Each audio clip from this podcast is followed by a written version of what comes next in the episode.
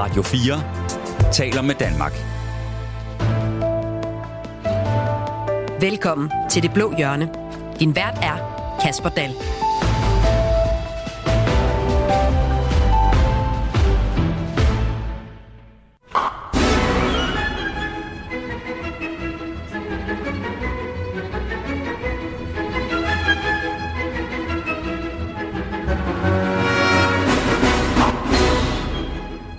Så skete det endelig. Efter rekordlange forhandlinger har Danmark nu endelig en ny regering. Og ikke bare hvilken som helst regering, nej, det er en SVM-regering. Altså en regering, der går hen over den magiske midte i dansk politik. Venstre har begået dobbelt løftebrud og slugt gigantiske kameler, men på øh, formand Ellemann må man forstå, at det var det hele værd, for regeringsgrundlaget er præget af blå farver. Men er det blot nok til at kunne forsvare, at Venstre, Danmarks Liberale Parti, gør Mette Frederiksen til statsminister og dropper en advokatvurdering af det retlige ansvar i Mink-sagen? Og hvorfor trak de radikale sig i 11. time, når der kan spottes masser af magenta-toner i regeringsgrundlaget? Det er nogle af de spørgsmål, vi håber at få svar på i ugens udgave af Det Blå Hjørne, Radio 4's politiske debatprogram. Hvis du vil blande dig i dagens udsendelse, så husk, at sms'en som altid er åben. Du kan sende dine kloge ord afsted til 1424. Lad os bare komme i gang. Radio 4 taler med Danmark.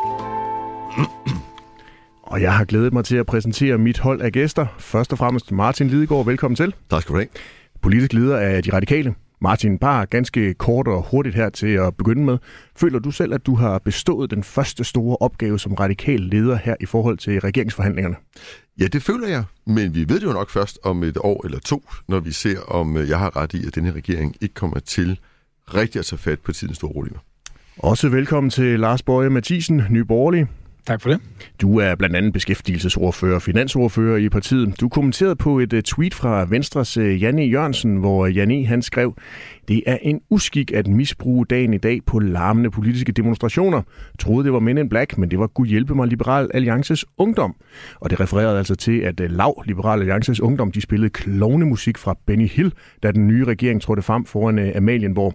Du svarede ham, i har lige lovet for befolkningen og tilmeldt planer om at fjerne en helligdag uden at have spurgt danskerne først. I er absolut i ingen position til at brokke jer over noget som helst. Stik pipen ind og pas jeres ministerbiler, tak. Er det et meget godt billede, hvordan du har det med øh, den nye regering her hen over midten? Nej, ja, det var, hvordan jeg havde det på, at øh, Janne igen hopper op på den moralske hest. Det skal han lade være med, for der er langt ned.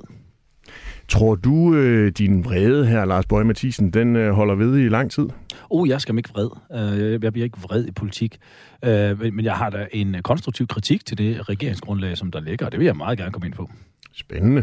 Pia Kærsgaard, velkommen til Det Blå Hjørne. Tak. Du er jo mangeårigt medlem af Dansk Folkeparti. I holdt øh, julefrokost i Dansk Folkeparti i går. Fejrede I øh, også den nye regering? Ej, det talte vi faktisk ikke ret meget om. Det må jeg sige. Det gjorde vi ikke. Der var mere hyggelige ting øh, på, på dagsordenen. Det synes jeg også, man skal gøre, når der er julefrokost. Så skal man øh, faktisk lade være med at tale alt for meget politik. Og det, det holder vi os til. Hvordan var det egentlig ved julefrokosten i, øh, i Dansk Folkeparti? Fordi der var jo markant færre i år, end der var sidste år. Der var fuld hus, øh, skal jeg hilse at sige. Øh, rigtig mange. Vi øh, er jo så traditionsbundne i Dansk Folkeparti, at det ikke alene er folketingsgruppen. Vi har vores gode medarbejdere med, som har lavet en enorm indsats, ikke alene i valgkampen, men generelt i hverdagen, og vores hovedbestyrelse. Så vi var rigtig, rigtig mange, og det var dejligt. Martin Lidegaard, jeg ved, at de radikale de også skal have julefrokost her i aften. Glæder du dig til det? Ja, det gør jeg faktisk rigtig meget. Hvorfor? jo, fordi det har været nogle, øh, nogle hårde uger, du skal tænke på. Først så havde vi fire ugers valgkamp, så havde vi en ny konstituering af politisk leder, og så har vi haft seks ugers politiske forhandlinger. Øh, så det har været maraton, og øh, det har været spændende og sjovt. Jeg kommer ikke til at glemme de her uger, men, øh, men jeg glæder mig altid også til at få en øh, forhåbentlig iskold fadøl og sove rigtig lang tid i aften. du lytter til Det Blå Hjørne på Radio 4.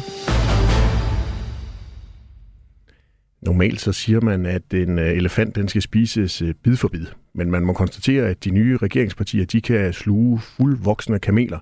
Og med i øh, regeringsgrundlaget er der er blandt andet en ny top-top-skat, en SU-reform og en sløjfning af en helligdag. Men hvad mangler der? Pia Kærsgaard, hvis du nu skal vælge én ting, der mangler i det her regeringsgrundlag, for at det vil være blot nok til dig og Dansk Folkeparti, hvad skulle det så være? Um, må jeg godt sige to. Altså, jeg fatter jo simpelthen ikke, at Rwanda er ude af billedet overhovedet. Der er behov virkelig stramning af udlændingepolitikken, at man ikke skal søge asyl i Danmark. Og det næste, det er, at øh, pensionisterne igen, igen, igen er glemt. Der er noget på ældresjekken, men dem, øh, der ikke får noget som helst, de får stadigvæk ingenting. Og det er jeg dybt ærgerlig over. Og det er for mig at se blå politik, fordi det er også øh, velfærdspolitik. Vi skal passe på hinanden, og vi skal i særlig grad passe på pensionisterne, som, som har det rigtig, rigtig hårdt. Men Pia Kærsgaard, der er jo både udover en ekstra ældresjek i 2023, også en forhøjelse af ældresjekken sådan permanent. Jo, jo, det men det ældresjekken, det, nej, det synes jeg i allerhøjeste grad ikke, det er. Jeg synes jo generelt, at folkepensionen som sådan skal øh, forhøjes, og det har jeg synes længe. Det er vores politik, øh, det er det, man skal gøre. Men, øh, men det er slet, slet ikke nok, og, og det vil vi også komme til at høre mere i fremtiden. Det er jo heller ikke nogen julepakke, altså der er virkelig mange, som nok ikke glæder sig så meget alligevel, som, som os, der står her omkring det her bord, fordi vi har jo alle sammen vores på det tørre. Men der er rigtig mange derude, som, som har store økonomiske problemer. Lars Bøge Mathisen, øh, hvad mangler du allermest, når du læser igennem det her regeringsgrundlag? Ah, jeg tror, der er tre elementer. Øh, et, jeg er enig med Pia omkring udlændingepolitikken øh, så, så mener jeg, at, at de skattesænkninger, de er, er uambitiøse. Og så mangler jeg simpelthen noget på en, en vækstdagsorden. Jeg, jeg mangler, øh, at, man, at man tænker fremad og, og sætter gang i hjulene i, øh, i, Danmark. Og, og det synes jeg ikke, man adresserer ordentligt. Det. Men Lars Bøje, der er jo en meget, meget, meget høj ambition i det her regeringsgrundlag om, at helt op til 45.000 danskere skal komme mere i arbejde, når øh, det her øh, regeringsgrundlag engang er, er gennemført. Er det ikke nok? Ah, nu skal man lige huske, når de siger det 45, så skal vi du lige tage at trække noget af det. Noget af det, det er jo lidt, lidt fuglepotat, og noget af det er noget, som man, man allerede har aftalt. Ellers ligger der omkring de der 27-30.000. Og nogle af dem er jo også forlisbelagte, så der skal de lige have nogle andre partier med, inden de kan, kan sætte V-tegn ved det. Martin Lidegaard, det var så en masse mangler fra nogle af de øh, borgerlige partier, Dansk Folkeparti og øh, Nye Borgerlige. Hvad er det egentlig, øh, du, radikal politisk leder, mangler helt konkret i det her regeringsgrundlag? Jeg må ikke lige starte øh, med at sige, at det jo på en måde er jeg måske en lille smule fejlkastet øh, her, og, øh, og det skyldes måske, nu det er ikke for at være kritisk, øh, Kasper, men, men det, det er der godt så være, mange skulle... radikale, der siger, du... både når I er med i de blå og de røde ja, ja, hjørne, vi prøver jo at få jer til at, være ja, velkomne. Og, først, så lad mig starte med at sige noget pænt. Jeg er rigtig glad for, at jeg også får lov til at være med i det røde hjørne. Men i virkeligheden har virkeligheden måske overhalet øh, dit øh, koncept her lidt, fordi nu har vi jo altså fået et flertalsregering over midten, så måske vil det være bedst, hvis jeg bliver inviteret til, når du nu laver det program, der hedder Midtens Hjørne, eller Hjørnet i midten, eller det, det skal jeg ikke blande mig i, hvordan du nu øh, helt øh, for, for, for formuleret det. Men det er bare for at sige, at, at på mange måder er at de her diskussioner om sådan traditionelt borgerligt, vi kan også høre Pia Kærsgaard, det hun siger her, det er der ikke noget borgerligt i, det, det med højere ældresjek, i min bog i hvert fald, traditionelt borgerlig politik. Men nu spurgte du jo, hvad jeg savner. Og jeg savner jo, øh, for vi er jo egentlig glade for, og det er jo noget pjat, når Bøje siger, at det ikke er at der ikke er nogen reformer. De altså, det er der der, Der er der flere reformer, der er lavet både i den seneste regering og forrige regering under borgerlige styre, øh, hvor det var rigtig svært at få lavet reformer. Så det er ikke det, jeg mangler. Men det, jeg mangler, er, hvad er det så, man investerer reformerne i? Og der vil vi jo gerne investere i Danmarks fremtid. Det vil sige mere uddannelse, og ikke mindre uddannelse, mere fokus på at udvikle hele den grønne økonomi, som er et kæmpe kan man sige, potentiale for dansk erhvervsliv, og så selvfølgelig også, at vores børn i øh, skolerne øh, bliver dygtigere og klogere og trives. Altså, vi synes jo egentlig, det burde være et borgerligt projekt at investere i fremtiden og den næste generation, og ikke bare bruge alle pengene på, øh, på, på øgede forsvarsudgifter og, øh, og skattelettelser. Martin Nedgaard, nu vil du hverken identificere dig selv som blå eller rød. Hvad er du så?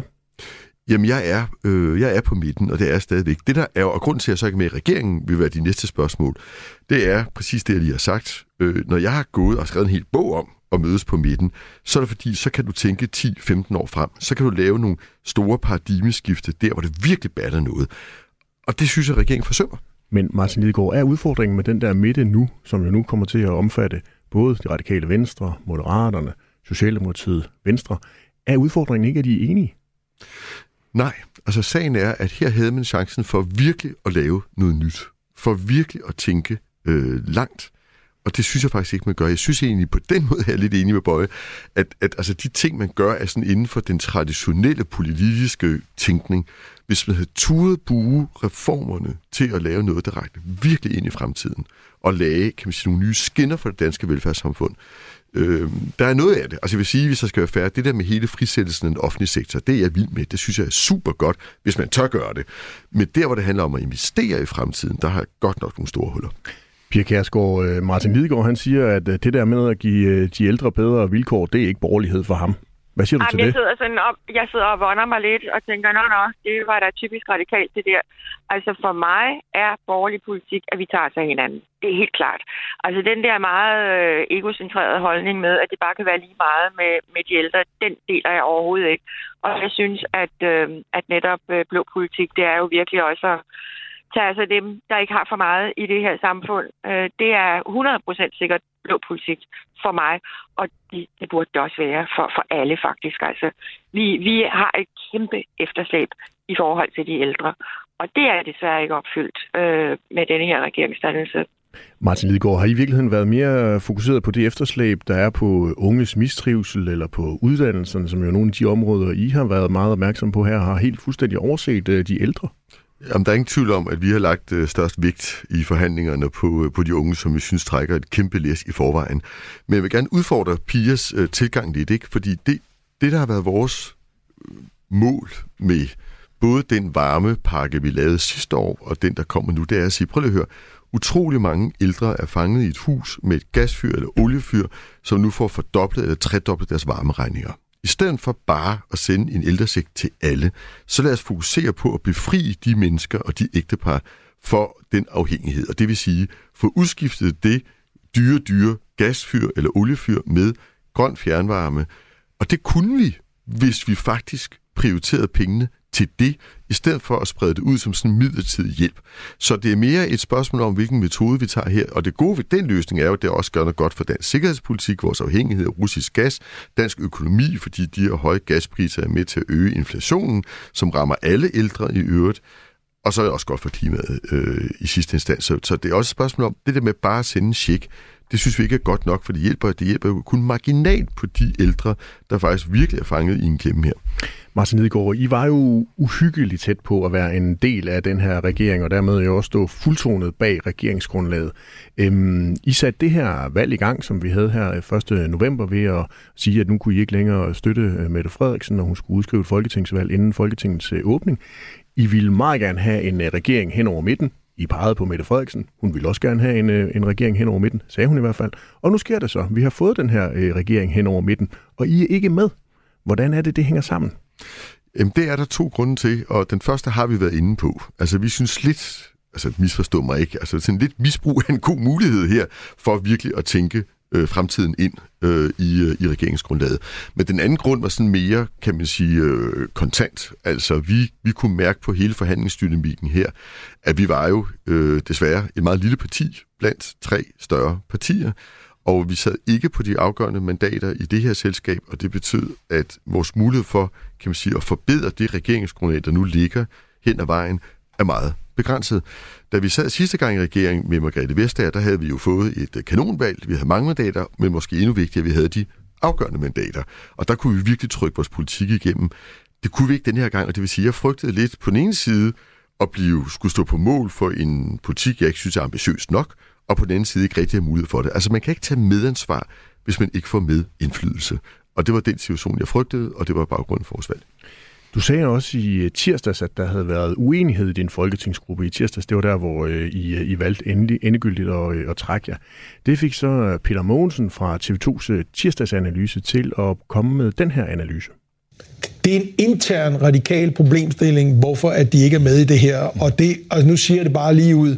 Den, der leder det parti her, det er mere Senior Stampe, end det er Martin Lidegaard. Det er nok det, vi skal konkludere. Fordi den her runde, den er totalt tabt, hvis du spørger mig. Altså, de burde selvfølgelig have været med i den her regering. En totalt tabt runde, og det er Senior Stampe, der er den reelle leder af det radikale venstre. Har han ret, Peter Mogensen? Altså, Peter Mogensen siger jo ufattelig meget vrøvl, men det her det er dog en helt særklasse lagt ud. Øh, det har Peter Mogensen overhovedet ikke ret i. Øh, jeg har jo heller ikke sagt, at der var uenighed. Jeg har sagt, at der var tvivl. Det var der hos os alle sammen. Og jeg har godt læst i medierne, øh, altså, at jeg både er svag og øh, amatøragtig og alt sådan noget. Og det vil jeg gerne sige, hvis det er svaghed, at man konsulterer sine kollegaer, inden man træffer så stort et valg, så har jeg en meget anden opfattelse af, hvad god ledelse er, og hvad stærk ledelse er. Og min ledelsesstil er at høre alle. Og situationen var den, og nu skal jeg ikke referere hver enkelt øh, medlems øh, holdninger her, men at øh, vi alle sammen havde den tvivl i os for og plus. Og det var det, jeg sagde. Vi havde alle sammen for og imod og op og ned, som jeg sagde helt præcis til det pressemøde. Så ja, der var en dyb tvivl i den radikale gruppe, men den sad også i mig. Og da jeg fik bekræftet den, så traf jeg på baggrund af det min beslutning.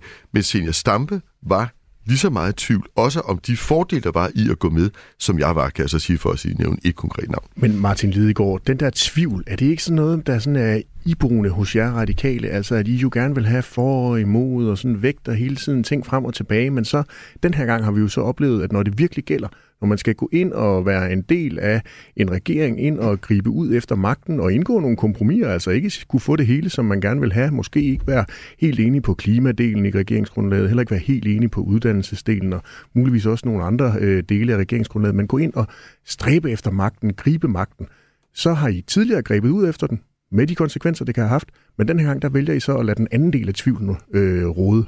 Det er helt præcis det, du siger. Skal man gribe efter magten? Ja, det skal man, hvis man kan få magten. Og det var præcis det, jeg prøvede at sige før. Øh, det, der var min tvivl, det her var, vil jeg få den magt? Nej, jeg vil opfatte det her om... Jeg synes også, når man kigger på ministerholdet, jeg kan blive bekræftet. Altså dels, de poster, vi kunne få, den tyngde, de ville have, og den tyngde, vi ville have som parti, var ikke magtfuld. Den var alt andet end magtfuld. Øh, og når jeg kigger på, altså hvor tungt øh, også Socialdemokratiet har sat sig på alle de økonomiske ministerier i den her regering, så kunne jeg jo godt frygte, altså selv som lille parti, øh, og blev kværnet ind i det der, fordi jeg netop ikke havde de afgørende mandater. Jeg men kan Martin garantere dig for, at det noget, jeg ikke er, så er det magtsky. Men, så hvis jeg havde troet på at kunne få den, så tog jeg den. Men Martin Lidegaard, alt det der med, at uh, Socialdemokratiet jo nok ville tage de tunge poster, og I som et meget lille parti, det mindste i sådan en koalition, jo nok ikke kunne få i det, de her ministerier, måske ville blive spist af med et ældreministerium eller andre øh, ministerier, som I måske det vil var... Det vil nok have så frabi. Det vil... Jeg bliver for spist af med, altså jo, det jo, synes jeg er flot. Vi, den tager vi lige bagefter, fordi ja. Martin Lidegaard, det vidste du jo allerede fra start, altså mandaterne var jo givet på forhånd. Hvorfor så overhovedet øh, gå ind i den der øh, forhandlingsdialog og, og sidde der en hel nat og, og være så tæt på målstregen og så hoppe lige til sidst med noget, som du kunne have regnet ud på forhånd? Altså nu vil jeg ikke, øh, i modsætning til andre, som jeg kan læse i avisen, øh, på nogen måde referere for vores forhandlinger. Det synes jeg, man skal holde sig for god det til. Men, det, nej, nej, nej, det handler jo om jeres overvejelser. Ikke hvad de andre har sagt, men dine overvejelser. Ja, men jeg prøver at svare på de spørgsmål. Tak. Øh, jeg havde øh, til det sidste den forventning og det håb, at vi kunne få det bedre. Og øh, det er også klart, at i det sidste døgn, den forhandlingsdynamik, der var, hvor vi ikke var med i alle forhandlinger, men ligesom kom tilbage, og så var der forhandlet store ting færdigt, i øvrigt blandt andet på ældreområdet og tilbagetrækning. Fortalte mig om en forhandlingsdynamik, der ikke var rar, men havde jeg også i øvrigt forventet at kunne få noget mere sådan håndgribelig magt. Ja, det havde jeg, og det synes jeg også, jeg havde en grund til. Men altså, øh, lad det ligge. Jeg er egentlig ikke fornærmet, Kasper, fordi det, det, er, det måtte jo være sådan, når vi er et lille parti. Det er ikke, fordi jeg synes, de andre var nære, hverken med indrømmelse i grundlaget eller med det ene og det andet. Men, men det synes jeg lige meget. Jeg måtte bare konstatere, at jeg ikke kunne få magten. Og det var da en smertelig erkendelse. Jeg ved, at hjertens gerne have været på Amalienborg i går. Det har også været lettere valg for mig. Men vil jeg underlægge mig de næste to-tre år en andens magt, som ikke kære sig om det, som jeg synes er de vigtigste politiske temaer. Og det var det svære valg. Jeg skal ikke vurderes på, hvordan det så ud i går, men hvordan det ser ud om et år eller to. Og der tror jeg, vi kan mødes her, og du vil forstå, hvorfor jeg gjorde det. Og du er allerede inviteret til en af de sidste udsendelser i øh, Det Blå Hjørne i 2023. Men Martin Lidegaard, bare lige for... Ja, Midtens hjørne. Det, øh, det undrer mig nemlig, fordi altså, du, altså, Socialdemokraterne har 50 mandater. Venstre har 23. Øh, Moderaterne har 16. I kommer ind med 7.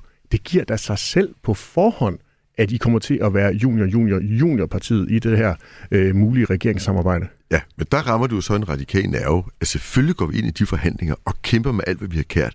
Og jeg er da vanvittigt stolt over, at jeg tror, man kan næsten se, hvor der er radikale bidrag, hvor vi har sat fingeraftryk, og jeg er også glad for, at vi har fået ryddet det der ultimative væk, så enhver kan se, at vi er regeringsduelige.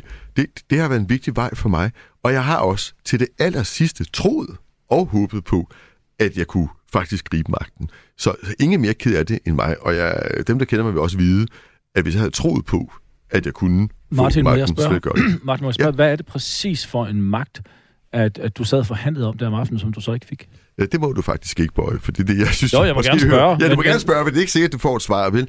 Men altså, det, det er klart, der, der er noget politik i det her, og det har jeg gået redde for. Hvad, altså, vi synes jo, klimaet, det er ikke sådan en lille, tilfældig ting, man sidder og klipper klistre i de sidste timer, og så får man lidt der og der. Vi synes, det er sådan en grundlæggende ting, som hvis man skal lave en regering... af Ja, den så den var forhandlet på plads. Det var ikke det. været. Så, så det Nej, det var den du- faktisk ikke. Det Nå, var faktisk noget af det aller, aller, aller sidste, vi sad du, med. Du ser, fordi der er noget på den aller sidste aften, der gjorde, at, at, at, at du ikke kunne få det magt, du var. Ja, og, og det var, kan man sige, handlet om vores position i regeringen og, øh, kan man sige, størrelsen øh, af den magt, vi kunne se ind i øh, i et regeringssamarbejde. Jeg har jo prøvet Så at det sidde både antallet af indenfor og ministerposter udenfor. så? Det er det mere end det. Men det, øh, det kan vi jo tage. Jeg drikker gerne en kop kaffe med en anden dag, boy. Nå, men jeg synes, at danskerne har... Altså, jeg- jeg, går ikke ind for alt det lukkethed der. Altså, jeg synes, at danskerne der har ret til at vide, hvad, hvad, hvad det er. At det er dig selv, der siger, at det er fordi magten, du greb ud af magten, du vil gerne have magten. Så var der nogen, der ikke vil give dig magten. Og hvad er det så for en magt, du gerne vil have, som du så ikke kunne få? Men jeg tror jeg egentlig, jeg har sagt så meget, som jeg kan sige. Altså, det handler selvfølgelig om ministerposter. Det handler også om, hvilke ministerposter. Måske handler det i virkeligheden, det kan jeg godt tillade mig at sige, synes jeg, vil vi få indflydelse på den økonomiske politik sådan for alvor. Fordi Var, var det fordi Sen været- ikke kunne blive uh, kulturminister? Nej, det var det ikke. Okay. Øh, men, men det var altså hele den økonomiske politik, som jo også er udgangspunktet, kan man sige, for hvordan man forandrer klima, men som også er udgangspunktet for, hvor meget vi kan investere i uddannelse og i, i, i børn og unge osv. Den, synes jeg, er, er meget vigtig at kunne få indflydelse på. Martin Lid, Jeg beklager jo ikke, at det radikale venstre ikke kom ind. Det lyder nærmest som om, at Lars Bøje er helt ked af, at I ikke kom med i Ja, regeringen. det var da også meget Ja, det var altså, hvad rager det egentlig ham? Altså, jeg øh, må sige, at øh, jeg beklager ikke, at I ikke er med. Altså, det havde set endnu mere sort ud, synes jeg, hvis det radikale venstre havde været med. Nu er vi jo ligesom i Dansk Folkeparti, ligesom også det radikale venstre, er vi jo også i en position, hvor vi er med i en del forlig. Øh, og derfor også skal ind øh, med vores mandater. De er ikke mange, men de kan trods alt bidrage. Og jeg tror ikke helt på det der med, man kalder det en flertalsregering. Ah, altså, ikke das. jeg tror, at man skal satse lidt ud over de nordatlantiske mandater. Det tror jeg, man skal, fordi man er ikke flertal uden de nord- nordatlantiske mandater. Og dem kan man ikke altid. Og det mener jeg heller ikke, man skal lide på, vel? Så, så, øhm, så, så jeg, ved da, øh, jeg er da glad for, at I ikke kom med i regeringen. Men må ikke sige til det, Pia, hvis det er okay, fordi jeg, det, jeg synes, det er en helt præcis analyse. Og jeg, jeg har sagt før, altså for mange år siden, lige da jeg havde været minister, og så kom ud i friheden, at jeg har sagt, at, at paradoxalt set er det nogle gange sådan, at man kan have større indflydelse, hvis man er med for et forlig, står frit og virkelig kan banke til den i forhandlingerne, end når man er pakket ind i en regering. Især hvis man ikke er noget stort parti. Så øh, jeg ser også store muligheder i de der forlig. Det er jo ikke altid, vi vil trække i samme retning, Nej, nej. piger, men, men øh, selvfølgelig er der muligheder der. Men det er jo næsten et historisk øjeblik, vi har her i øh, det blå hjørne, og Martin Lidegaard, nu giver det jo super god mening, at øh, de radikale også er med her, fordi nu har vi jo enighed mellem de radikale og Dansk Folkeparti. Der var en analyse her, I var enige om. enighed på den måde, at øh, vor- vores mandater mangler. Og det er ikke sikkert, at de mandater, vi har hver især, vil være enige om de ting, vi går ind med, men de kommer til at mangle i den regering, der sidder nu. Men Pia Kærsgaard, du har jo også fulgt med i det her regeringsforløb, sådan lidt ude på, på sidelinjen, selvom Dansk Folkeparti jo officielt stadigvæk var en del af forhandlingerne helt ind til målstregen. Hvordan har du oplevet det? Så set, hvordan de radikale har ageret? Jamen, jeg synes, altså, hold op, hvor vi trænger til juleferie alle sammen. Fordi det her har virkelig været, jeg vil sige, det sidste år har været fuldstændig vildt. Og den sidste periode, altså valgkampen øh, og, og efterfølgende, har jo været fuldstændig surrealistisk. Så jeg kan næsten ikke sige, hvad jeg mener om det. Altså, øh, jeg, jeg bliver nogle gange, så, så er der nogen, der griner lidt af mig og siger, du siger ofte, jeg har aldrig set noget lignende. Men det har jeg vidderligt ikke. I alle de mange år, som, som jeg har været med i politik, det her har været vildt, vildt, vildt.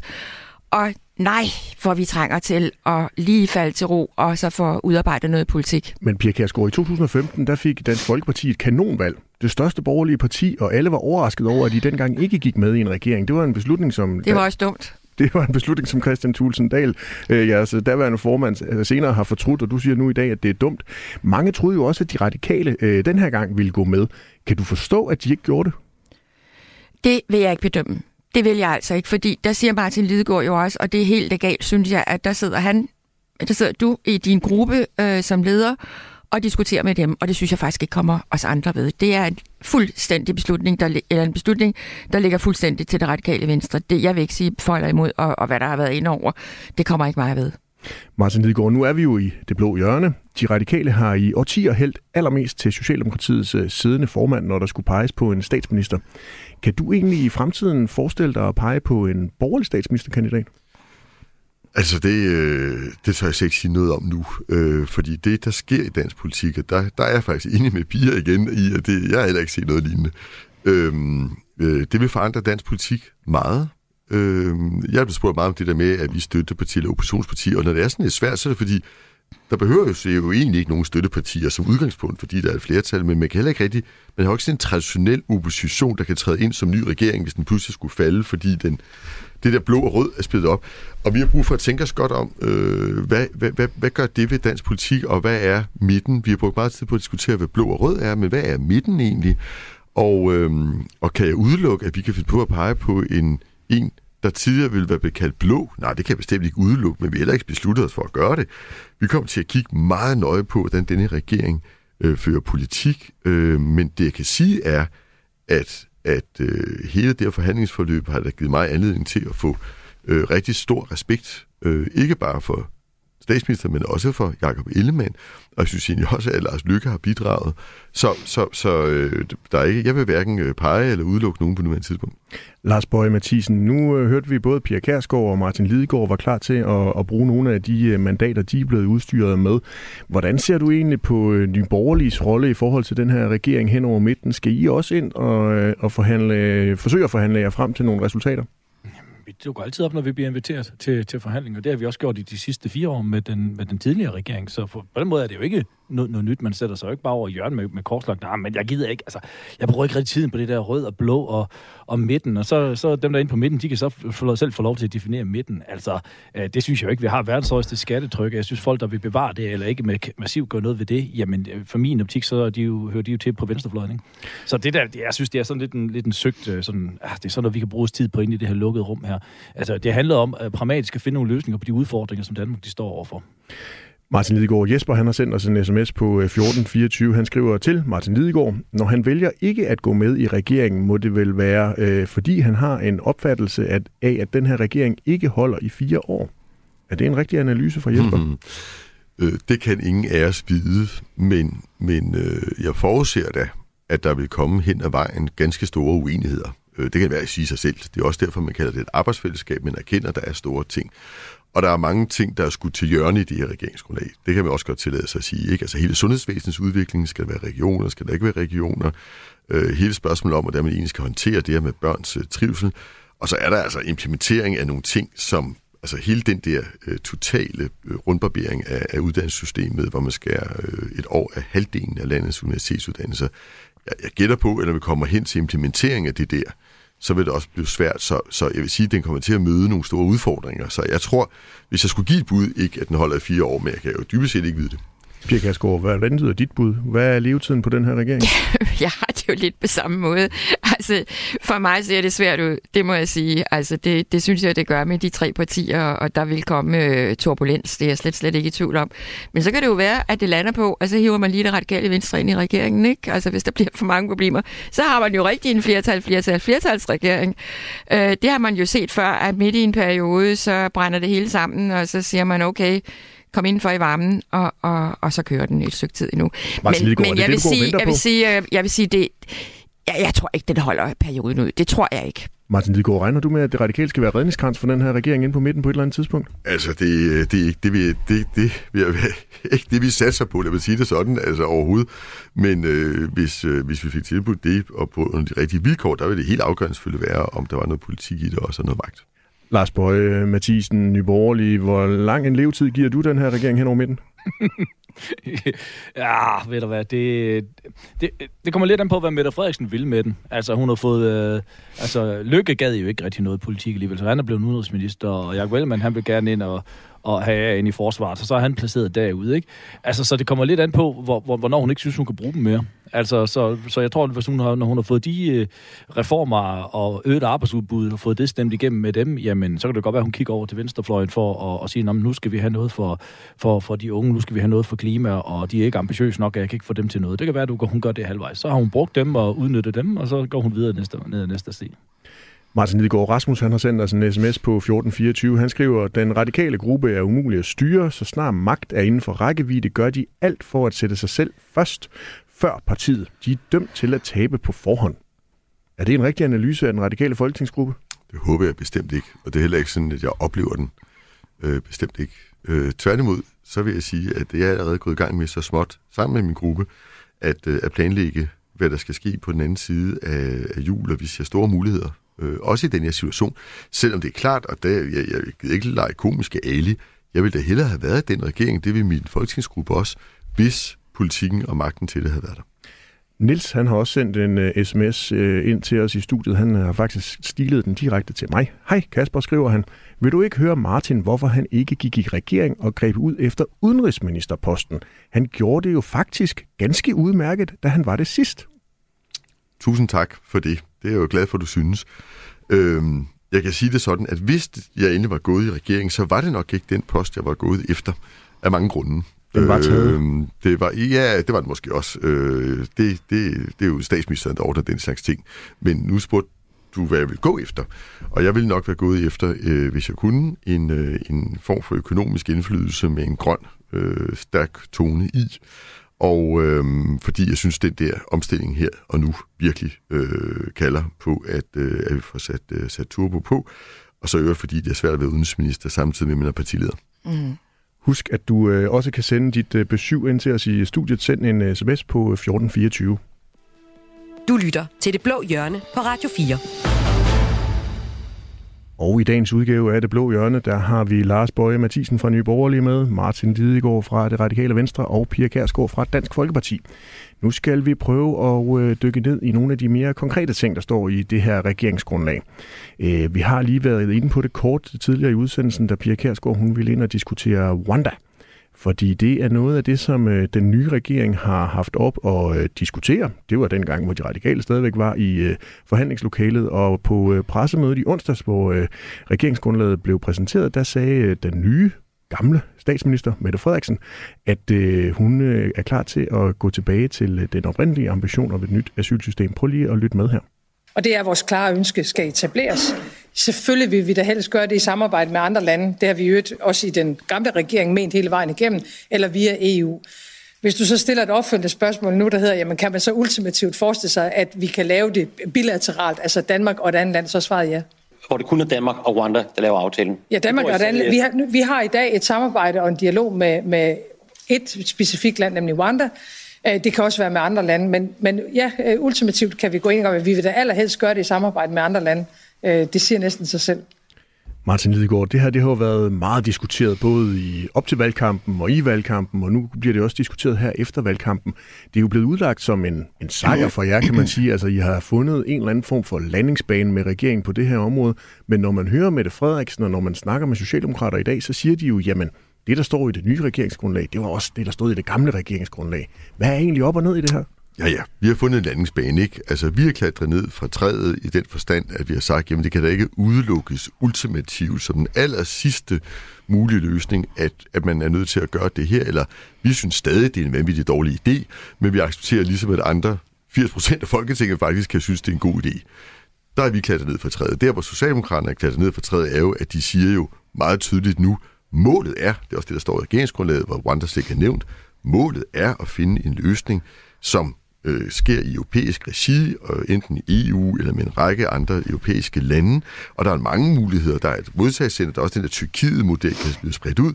Og vigtigst for os, at øh, det skal være et sikkert sted, og at det skal leve op til Danmarks internationale forpligtelser. Og der er de kravlet ned. Så jeg vil sige, begge parter er kravlet ned og fundet en landingsplan, vi kan være i. Øh, så, så jeg giver gerne, at vi har givet en indrømmelse, men øh, så vidt jeg kan se, har Socialdemokraterne vist også. Pia Kærsgaard, du sagde jo tidligere, at det her det så du som værende en, en lempelse af udlændingepolitikken. Er det virkelig det, når du hører Martin ja, Lidegaard udlægge det her? Det er det, og, og der må jeg så sige, at øh, jeg forstår ikke, det kan ikke være det grundlag, i hvert fald det radikale venstre ikke er gået i regering på, fordi I fik jo faktisk jeres vilje, og det har været, det kan vi jo se, når vi tænker tilbage, det har været et flop fra starten. Altså, det, det bliver ikke til noget. Det bliver ikke til noget overhovedet. Altså, nu skal vi have det på EU-basis, hvor herre bevares. Altså, vi er blevet snydt og bedraget. Ingen tvivl om det. Men de radikale fik det jo inden, altså i forhandlingerne, så det har ikke været det, der har, har sagt, at de radikale venstre ikke skulle i regering. Men vi kan lige så godt sige, at det bliver ikke til noget slut. Vi må finde på noget andet. Men Pia Kærsgaard, har du nogensinde, eller måske endda sågar stadigvæk, en helt oprigtig tro på, at det kan lykkes for regeringen at lave helt egenhændigt, uden hjælp fra nogle andre lande eller EU, sådan et, en aftale med et, øh, et andet land? Jamen det har regeringen jo bildet os ind fra for flere år siden efterhånden, og der har været adskillige ministre, som er rejst frem og tilbage og har lovet i poser og sæk, nu var det lige på trapperne, og man havde faktisk næsten en aftale, godt nok ikke på skrift eller noget, vel, men man havde næsten en og gode relationer og alt det pjat, rent ud sagt, som man har sagt. Altså, vi har længe været klar over, at det her, det var, det var bare, det var bare noget, der skulle til, inden valget blev udskrevet, for at det ikke blev hældt fuldstændig ned ad brættet. Det bliver ikke til noget, det kan jeg lige så godt sige. Jeg æder mine ord i mig igen, hvis det gør, men jeg tror ikke et øjeblik på det. Desværre, for der er behov for det. Hvis det lykkes for den nye midterregering at lave det her asylmodtagelsescenter i et andet land, så er Pia Kærsgaard også inviteret ind i det blå hjørne ja, og, og diskuterer der. Lars Bøje Mathisen, altså øh, der er lagt op til mere samarbejde på flygtningeområdet i den nye regering, altså mere samarbejde med andre lande, for måske at gøre det endnu mere realistisk, at øh, den her ambition om at få et asylmodtagelsescenter i et, øh, i et land i Afrika, eller i hvert fald uden for, for EU, kan blive til virkelighed. Det lyder vel egentlig meget fornuftigt, eller hvad? Nej, altså når de gør det op på, på EU-plan, så er det jo ikke for, at det skal blive mere realistisk, så er det for, at de skal give andre skylden for, at det ikke kommer til at ske. Ja. Så, så, så det er bare for at have nogle, nogle undskyldninger og nogle outs på det i stedet for. Så det er jo derfor, man rykker det op. Så er det de radikale venstre, der har trumfet igennem, at regeringen nu har fået en god undskyldning i regeringsgrundlaget? Nej, ja, nej, jeg ved ikke, om det kun er det radikalt, fordi øh, øh, Moderaterne tror jeg faktisk har samme holdning, og, og, og Venstre synes jeg også er utrolig pjat på det. De har haft en forestilling om med sådan nogle hardliner, som skulle for, forestille sig om, at de var parti, som kærer sig om, om, om Danmarks nationalitet og deres sikkerhed. Det gør de ikke reelt set ikke. Det er et globalistisk parti, og har været det længe. Altså, prøv at høre Jan E., om han ikke er enig i det her, det skal skrottes. Så, så på, den, på den måde, så, så undrer det mig ikke, altså når der to ud af tre regeringspartier synes, det skal være den radikal, som har forhandlet det med ind, jamen så tror jeg, at Socialdemokratiet har været presset derinde, og så har de også brugt det lidt som en, en løftestang på over for, for danskerne om at sige, at de kærer sig om, om danskernes sikkerhed. Så vi kommer til at presse meget, meget på på det her. Vi kommer ikke til at give slip på den her sag, fordi at, øh, der er på lang række punkter, hvor man gør noget helt andet, hvad man har lov dansk, nu skal vi jo snakke om en hele dag senere, øh, hvor, hvor vi også tager, i Nye Borgerlige tager fuldstændig konkrete tiltag, øh, og det vil vi også gøre her på. Vi vil simpelthen ikke finde os i, at man, man, man på, med danskerne på den her måde. Pia Kærsgaard? Jamen, fuldstændig rigtigt. Øh, og jeg må bare sige, at øh, der sidder nu tre partier i regeringen. Det radikale venstre ikke i regeringen, men på udlændingeområdet, der er to radikale partier. Der er Venstre og Moderaterne. Det er jeg ikke i tvivl om. Altså, Jakob Ellemann har aldrig været særlig vild med en stram udlændingepolitik. Lars Løkke Rasmussen er det så heller ikke.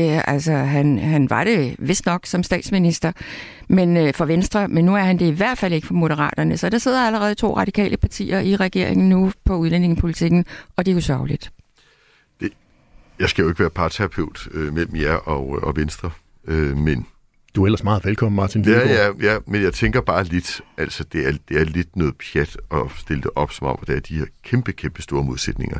Altså de ting, som vi, og, og det er rigtigt, også moderaterne øh, har formastet sig til at sige, og faktisk det samme som Pernille Vermund har ude at sige, nemlig, prøv at høre, de folk, kan få et arbejde inden for de øh, områder, hvor vi virkelig mangler arbejdskraft, som aldrig har begået noget kriminalitet, de skal selvfølgelig have lov til at arbejde i Danmark, uanset om de i dag sidder på et udrejsecenter, eller ægtefælder ikke må være her til danske statsborger, eller hvem de nu måtte være. Hvis vi kan tage udenlandske arbejdskraft hertil, hvad jeg går ind for, der ved jeg, at øh, Bøger og jeg er enige, Øh, hvorfor skulle man så ikke kunne tage folk, der er i Danmark på et opholdsgrundlag og flytte dem til et andet, hvis de opfører sig ordentligt, og i øvrigt kan udfylde en god funktion øh, i samfundet? Det er da god liberal politik. Ej, det er, det er sådan nogle ting, vi har siddet og diskuteret. Forskel, der er en væsentlig forskel, fordi at hele formålet med, at vi har en, en, en flygtningepolitik, og vi har nogle regler og nogle rammer for det, det er, at folk kan, vi mener så, der skal stoppes for spontan asyl i Danmark, men, men dem vi har, det er, at man kan være i land, de nuværende regler, at man kan være i land, indtil man kan være i, altså for at være sikret, og så skal man rejse hjem igen. Hvis det ellers bliver, så bliver det bare en ny indvandringspolitik, hvor alle kan komme til, og jo, hvis du så bare har været et stykke tid, så kan du bare få lov til at blive. Så har man reelt set ikke nogen flygtningepolitik, som, som sender folk tilbage igen. Så det er jeg meget, meget uenig om, man skal, man skal slippe på det. Så er der det andet, og det handler så om, om specialiseret arbejdskraft øh, i, i situationer, hvor vi, hvor vi har højkonjunktur, og det danske arbejdsmarked på kort sigt ikke kan efterkomme de, den efterspørgsel, der er. Og der tror jeg sagtens, vi kan, vi kan finde hinanden. Jeg synes, det er vigtigt, at, at virksomheder har mulighed der. Men derfra så til, at folk, som har kommet til på flygtningsstatus, de pludselig skal have lov til at hoppe over i andre statuser. Og så handler det bare om, hvor lang tid du har været der, om du har den rigtige uddannelse, eller om du har noget andet, så kan du få lov til at blive der. Det er jeg absolut ikke enig i. Nå, men der har jeg måske misforstået dine formand. Altså, jeg troede egentlig, at for eksempel nogle af de her syriske kvinder, som øh, er gået i gang med en uddannelse til sygeplejerske, og som gerne taler flydende dansk, øh, aldrig har begået noget forkert, øh, og ikke kan sendes hjem, øh, at vi egentlig var enige om, at det måske var meget fornuftigt, at de fik lov til at arbejde som sygeplejersker, og ja, så skiftede de opholdsgrundlag i den periode. Så kan vi have en diskussion om, skal de så kunne få permanent ophold med tiden? Det synes jeg giver meget god mening, fordi hvorfor, hvorfor skulle man sende dem hjem, hvis de udfylder en vigtig funktion i Danmark? Men, men jeg troede egentlig, jeg var enig i, at øh, i stedet for at de sidder og, øh, og skal klø sig i håret på, på et udrejsecenter, så vil det være rare, hvis de bidrog til velfærdssamfundet. Ah, men der, der skal du lige have styr på, på, på, på, på fakta, for hvis du sidder på et udrejsecenter, så er det fordi, du blevet afvist. Så er det fordi, du skal rejse hjem. Øh, dem, dem, som er her under flygtningsstatus, de har fuldstændig mulighed for at arbejde i dag, i, som det er nu. Øh, så, så det er to forskellige grupper, du taler om der. Ja, men vi kan ikke sende dem hjem til Syrien i øjeblikket, og det vil sige, at vi skal vælge mellem enten at forsørge dem på der, hvor de sidder og venter og klør sig håret, eller vi kan give dem muligheden for at bruge deres uddannelse og bidrage til danske velfærdssamfund og betale skat Ja. Og, der, og det kan jeg bare ikke forstå, at det skulle være liberalt, at de ikke må bidrage og betale deres skat, i stedet for at velfærdssamfundet skal forsørge dem. Jeg går ikke op så meget op i det ene eller andet, men hvis du har fået afvist, og du ikke har et opholdsgrundlag mere i Danmark, så skal der kun være en vej ud, og det er øh, via øh, en, en bus ud til lufthavnen, så skal du rejse hjem igen. Pia Kærsgaard? Man vil jo også yderligere nedsætte beløbsgrænsen for udenlandsk arbejdskraft, og det går Nye Borgerlige jo desværre med til. Det er vi meget imod, fordi vi ønsker ikke at tiltrække arbejdskraft fra Mellemøsten og Afrika, og det er det, der vil ske. Altså, der er, jeg ved ikke, hvor mange øh, tusindvis af arbejdsløse inden for EU-området, som nok bedre vil kunne tilpasse sig Danmark. Men det er bare det, det vil betyde, og det er vi altså inderligt imod. Vi skal passe på, fordi det er ikke bare det, at man kan klare sig selv, og man også kan tale dansk. Det er fremragende. Men der er altså også en anden kultur hos rigtig mange, og det er det, vi skal passe på, at der ikke er for mange, der har. Fordi så underlægger vi os vores egen kultur i Danmark, og det vil vi ikke være med til i Dansk Folkeparti. Hvad der begyndte som en diskussion omkring Rwanda og et asylmodtagecenter er nu blevet til en øh, regulær udlændingepolitisk debat. Og det skal vi også nok få tid til at tage her i øh, det blå hjørne. Men øh, før vi gør det, så synes jeg lige, vi skal øh, dykke mere ned i det her regeringsgrundlag. Fordi der kom også et ganske uventet element øh, frem ved øh, præsentationen af regeringsgrundlaget. Prøv lige at lytte med her. Så øh, vil vi afskaffe en helligdag. Øh, bede alle danskere om at arbejde lidt mere. Ja, og det er jo muligvis øh, stor bededag. Det er i hvert fald det, der er blevet talt om, som øh, står for skud. Skrotningen af en øh, helligdag skal nemlig give penge til forsvaret, siger den nye regering. Og de penge er der brug for, fordi den kommende regering vil gerne fremrykke de ydede forsvarsudgifter, så Danmark fra 2030 bruger 2% af bruttonationalproduktet, altså BNP, på forsvar og sikkerhed. Tidligere så var det meningen, at det først skulle ske i 2033. Der er allerede kritiske røster, der er ude, blandt andet fra Folkekirken og fagbevægelsen. Pia Kjærsgaard, du var også hurtigt ude på Facebook og proklamerede, at du er imod at fjerne en kristen helligdag. Hvis det nu ikke er en kristen helligdag, kan det så gå an? Nej, det kan det ikke, øh, fordi det er en meget traditionsbunden øh, helligdag. Jo, og jeg synes, jeg synes men, det er fuldstændig sindssygt. Og jeg vil godt men, sige, at... Men Pia Kjærsgaard, spørgsmålet var jo, hvis det nu var en ikke kristen nej, helligdag? Nej, det har ikke noget med det at gøre. Mm. Uh, jeg synes, at uh, man skal bibeholde den helligdag, fordi det er en del af vores kultur. Jamen, nu snakker du stadig om stor bededag. Jeg snakker så om en Nå, anden okay, helligdag. Okay. Er du klar til okay, at trådte en måde. helligdag? Nej, det er jeg ikke. Overhovedet ikke. Nej, du vil jeg bevare ikke. alle helligdage, ja, vi har lige nu? Ja, ja, ja. Uh, men nu er der altså stor bededag, det drejer sig om. Og jeg må sige, at jeg tror i dag, at øh, regeringen bliver nødt til, rent udsagt, at skrotte det forslag. Der er så meget protest imod det, så jeg har et håb om, at det ikke bliver til noget som helst. Altså, jeg synes, det er totalt latterligt, øh, sindssygt og alt muligt. Man foreslog det jo for år tilbage, jeg tror, det var Helle Thorning, der var ude med det. Var det 12 eller sådan et eller andet? Øh, øh, ude med det, og der blev det også banket tilbage. Og nu øh, siger statsministeren jo altid meget resolut, altså nu afskaffer vi en helligdag, knips ved fingrene, Nej, jeg tror ikke, vi kommer til det, og det skal vi heller ikke. Altså, der er masser af traditioner forbundet, og jeg mener ikke, at danskerne skal arbejde mere. Jeg synes, at danskerne faktisk arbejder ret meget, dem der arbejder. Og så er der alle de der andre traditioner, der også har været op i debatten med konfirmationer, og hvad ved jeg, Folkekirken, der også er imod det. Jeg tror og håber virkelig, at regeringen bliver nødt til at droppe det her forslag. Martin Lidegaard, du var jo med inde ved forhandlingsbordet helt ind til øh, målstregen, og du er jo også kendt som en ægte pragmatiker. Synes du så, det er helt fint at fjerne den her helligdag for at skaffe flere penge til forsvar? Altså, for at være helt ærligt, øh, så er den her heller ikke groet i min baghave. Jeg er nok den i en radikale gruppe, som øh, er mindst glad for det, men det er fordi, jeg har en familie, og virkelig er glad for at have de her øh, ferier. Jeg synes, vores befolkning arbejder meget i forvejen og så videre. Men øh, vi havde accepteret den, og det havde vi, fordi at vi synes, det var vigtigt, at vi skaffer nogle penge til at investere i vores fremtid. Så for os er krydset vigtigt, og jeg er ikke indstillet på det her, hvis det hele skal gå til forsvar. Så det bliver meget konkret drøftelse for vores vedkommende. Øh, hvis vi skal bløde det her, og hvis danskerne skal bløde det her, så er det fordi, vi skal investere pengene i det rigtige. Øh, som jeg ser det. Altså, men det er jo ikke noget, vi har taget stilling til i den radikale folketingsgruppe endeligt, og det kommer an på konteksten, når vi kommer dertil. Men altså, nogle gange er man nødt til at gøre noget, øh, der gør ondt, for at kunne gøre noget, der er godt, men så skal det, der skal gøres godt. Og her vælger man altså kryds, hvor man siger, at nogle investeringer i forsvaret, som vi sådan set er enige om og har fundet penge til i forvejen, vil man rykke lidt frem. Jeg er ikke sikker på, at det er umagen værd at bruge en helligdag på det. Men hvis det var investeringer i vores børn, så ville jeg nok kigge mere positivt på det. Lars Bøje, du skrev på Facebook, at det ville være passende, hvis det var grundlovsdag, den nye regering fjernede. Din formand, Pernille Vermund, hun vil have en folkeafstemning om det. Hvorfor øh, er det noget, I går så vildt meget op i i øh, Nye Borgerlige? Man skal huske, at hverken Venstre, Moderater eller Socialdemokraterne gik til valg og fortalte danskerne, at de vil fjerne en af deres helligdage.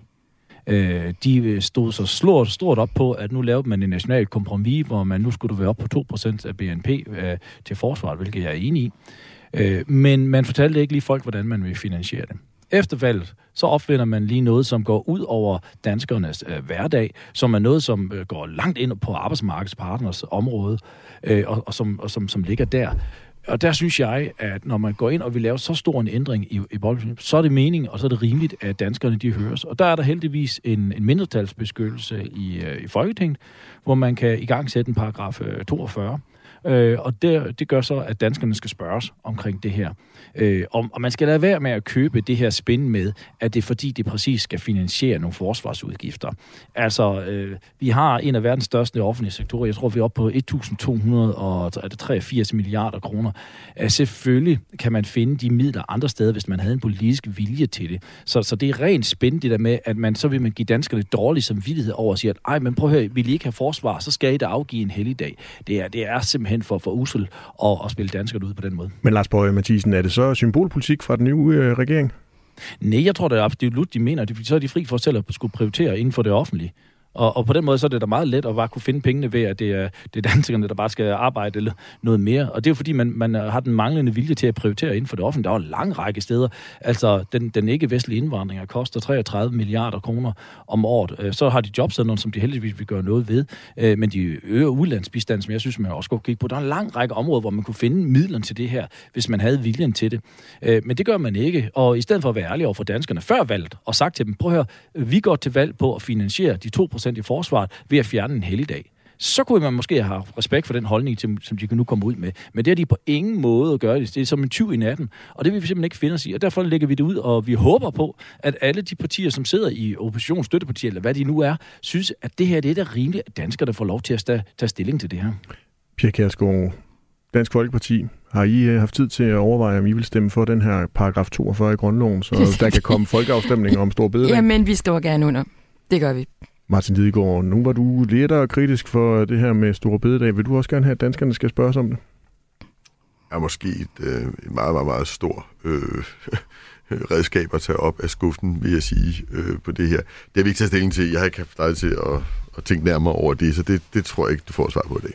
Jeg synes, jeg synes det er lidt voldsomt med en helt folkeafstemning, trods alt. Men jeg synes også, det er voldsomt at gå ind og fjerne en, en heldag, vi har haft i, i flere hundrede år uden at spørge danskerne, og uden at være ærlig for danskerne inden valgt at sige, men, det er det, man det har tænkt sig er jeg sådan set enig med dig i, Bøj. Jeg, altså, synes, jeg, er jeg, jeg er så enig med dig i, at det her vil have klædt øh, alle dem, der ønsker det, at have taget det her op i en uh, valgkamp. Det er jeg sådan set enig med dig i. Du lytter til Det Blå Hjørne på Radio 4. Klimaet var selvfølgelig også på dagsordenen, da den øh, nye regering skulle præsenteres. Det lød sådan her, da statsminister Mette Frederiksen hun præsenterede de nye mål for den brede midterregering. Ambitiøs klimahandling. Danmark skal være klimaneutral i 2045. Vi skal øh, øh, levere en reduktion på 110 procent i forhold til 90 i 2050. Det vil sige, at vi er nu mere ambitiøse, end vi har været øh, tidligere. Pia Kærsgaard, nye øh, klimamål. Ja. Det er vel noget, I Dansk Folkeparti bare synes er super fremragende. Ja, altså, øh, det er ikke noget, vi harcelerer voldsomt over. Vi kan godt øh, harcelere over en ekstra afgift på, på landbruget. Det gør vi gerne. Det tror jeg også kommer op til debat, men altså ellers så øh, er det jo noget, som stort set Folketinget som sådan er enige i. Altså, der er jo nogen, der skal have ro i maven, øh, og vi skal piskes med skorpioner, fordi vi skal have et bedre klima, og det skal lille Danmark så bare sørge for. Jeg har jo altid ment, at det her skal være globalt. Vi kan gøre uendeligt lidt alene. Lars Borg Mathisen, sad du også og klappede i hænderne, da Mette Frederiksen hun præsenterede den nye regerings klimamål? Nej, altså det, det, var, det, var, det var en forsættelse af, af den ligegyldighed, som man lavede under den sidste regering. Altså, altså det her med, at hvad vi gør i Danmark, har nogen som helst betydning internationalt. Det, det er noget pjat. Hvis man vil gøre en forskel, øh, så det, handler det om at skulle eksportere løsninger, som de store lande de kan, de kan bruge. Og det burde vi bruge al vores energi på, i stedet for at, at hæve, øh, hvad er det, 100 kroner nu på en, på en flyafgift. Ikke? Og så samtidig så sænker man beskæftigelses, eller, eller man hæver beskæftigelsesfradrag, så folk får 360 kroner mere om, om året, men så hæver man lige afgifterne samtidig. Ikke? Og det er jo også det, der, der er det grundlæggende problem omkring det her, øh, rent skatteteknisk, øh, hvor man kan sige, at den seneste regering hævede skatterne for 10 milliarder, nu sænker man dem så for 5, så er man stadigvæk i plus, øh, hvor, man, hvor danskerne har fået høje skatter. Og så bruger man nu en løftestang som, som klimaet, for man vil, man vil øh, skade landbruget og lægge flyafgifter på. Jeg synes, det er ganske dansk tåbeligt. Martin Lidegaard, du har jo brugt klimaambitionerne som en af årsagerne til, at de radikale ikke kunne være med i det her regeringsgrundlag. Er du så enig med Pia Kærsgaard og Lars Borg Mathisen på det her område? Har nok det stik modsatte synspunkt øh, af de to, og det vil ikke komme bag på nogen. Altså, grunden til, at vi havde svært ved i sidste ende politisk at se os i det,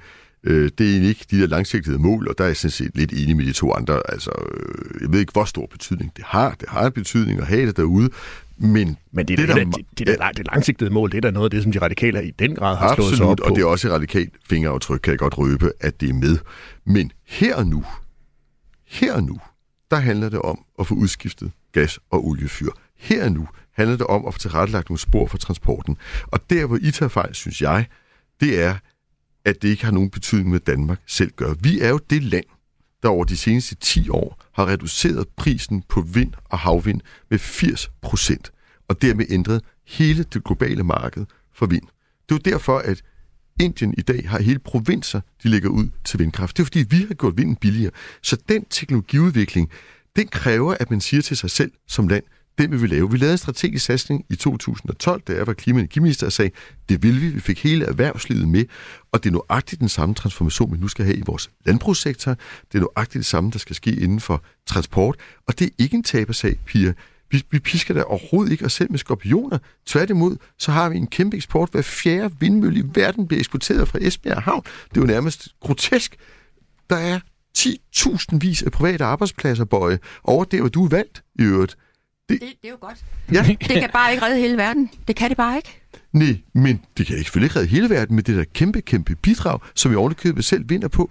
Så det er, virkelig, det er sådan bare sådan en gammeldags opfattelse, at der er en modsætning imellem at være ambitiøs på det her grønne område, og så øh, ah, Martin, jeg tror, økonomi. du tager fejl af min kritik. Min kritik den går på, på den der, når man opsætter en 70% målsætning, som handler om 20 millioner tons CO2, som man så vil finde i Danmark via afgifter på, på landbruget og via at hæve flyafgifter og hvad ved jeg, og, og afgifter på oksekød, som man også har snakket om.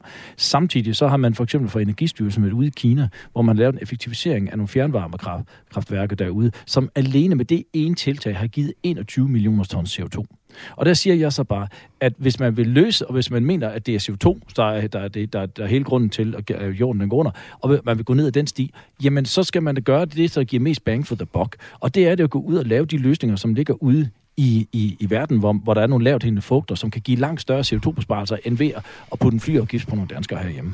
Men, men det er jo ikke et enten eller, Lars. Altså prøv at høre, Grunden til, at vi kan tage ud og lave fjernvarme i Kina, det er, fordi vi har lavet det hjemme selv først, og vores danske virksomheder kan det der kram. Og så har vi lavet, det går vi også i min tid, lavet det her myndighedssamarbejde med Kina, med Indien, med Mexico, Sydafrika. Og det er en god idé, helt enig. Det kan være, at vi kan med at blive enige her. Men du skal jo ligesom have erfaringerne og teknologierne herhjemmefra. Og så vil jeg jo sige, som øh, liberal øh, økonom, at det der med at bruge afgifter som en måde at få markedet til at dreje på, det er den bedste måde at gøre det på. Så kan vi diskutere, om du skal lette nogle andre samlet set for, at presset på erhvervslivet ikke bliver for stort, eller at du skal tilbageføre dem, det er jeg også med på. Men det at bruge afgifter som, som markedsinstrument er vel det bedste måde? Nej, hvis, set, hvis, man, hvis man er god øh, liberal, så lægger man ikke afgifter på folk for at adfærdsregulere dem. Så har man tillid til, at de godt selv kan gøre det. Så bruger man ikke statsmagten og loven til det. Altså når man lægger, hvis man vil lægge en øh, afgift på oksekød eller afgift på flyafgift, hvem rammer det? Det rammer dem, som har de laveste indkomster i samfundet. Du skal nok få lov til at flyve alt det, du vil, fordi du har penge til at betale det. Men, men det bliver dem, som har de laveste indkomster, som kommer til at betale for det her. Det er deres økonomi, der bliver ramt. Det er dem, der får det svært.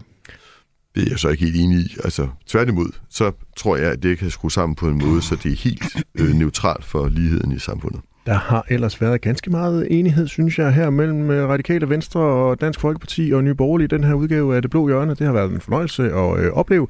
Vi er nået til vejs ende. Du har lyttet til Det Blå Hjørne, Radio 4's politiske debatprogram, der stiller skarp på de afgørende ideologiske forskelle i Blå Blok, og for den sags skyld også Radikale Venstre og Moderaterne. Tusind tak, fordi du lyttede med.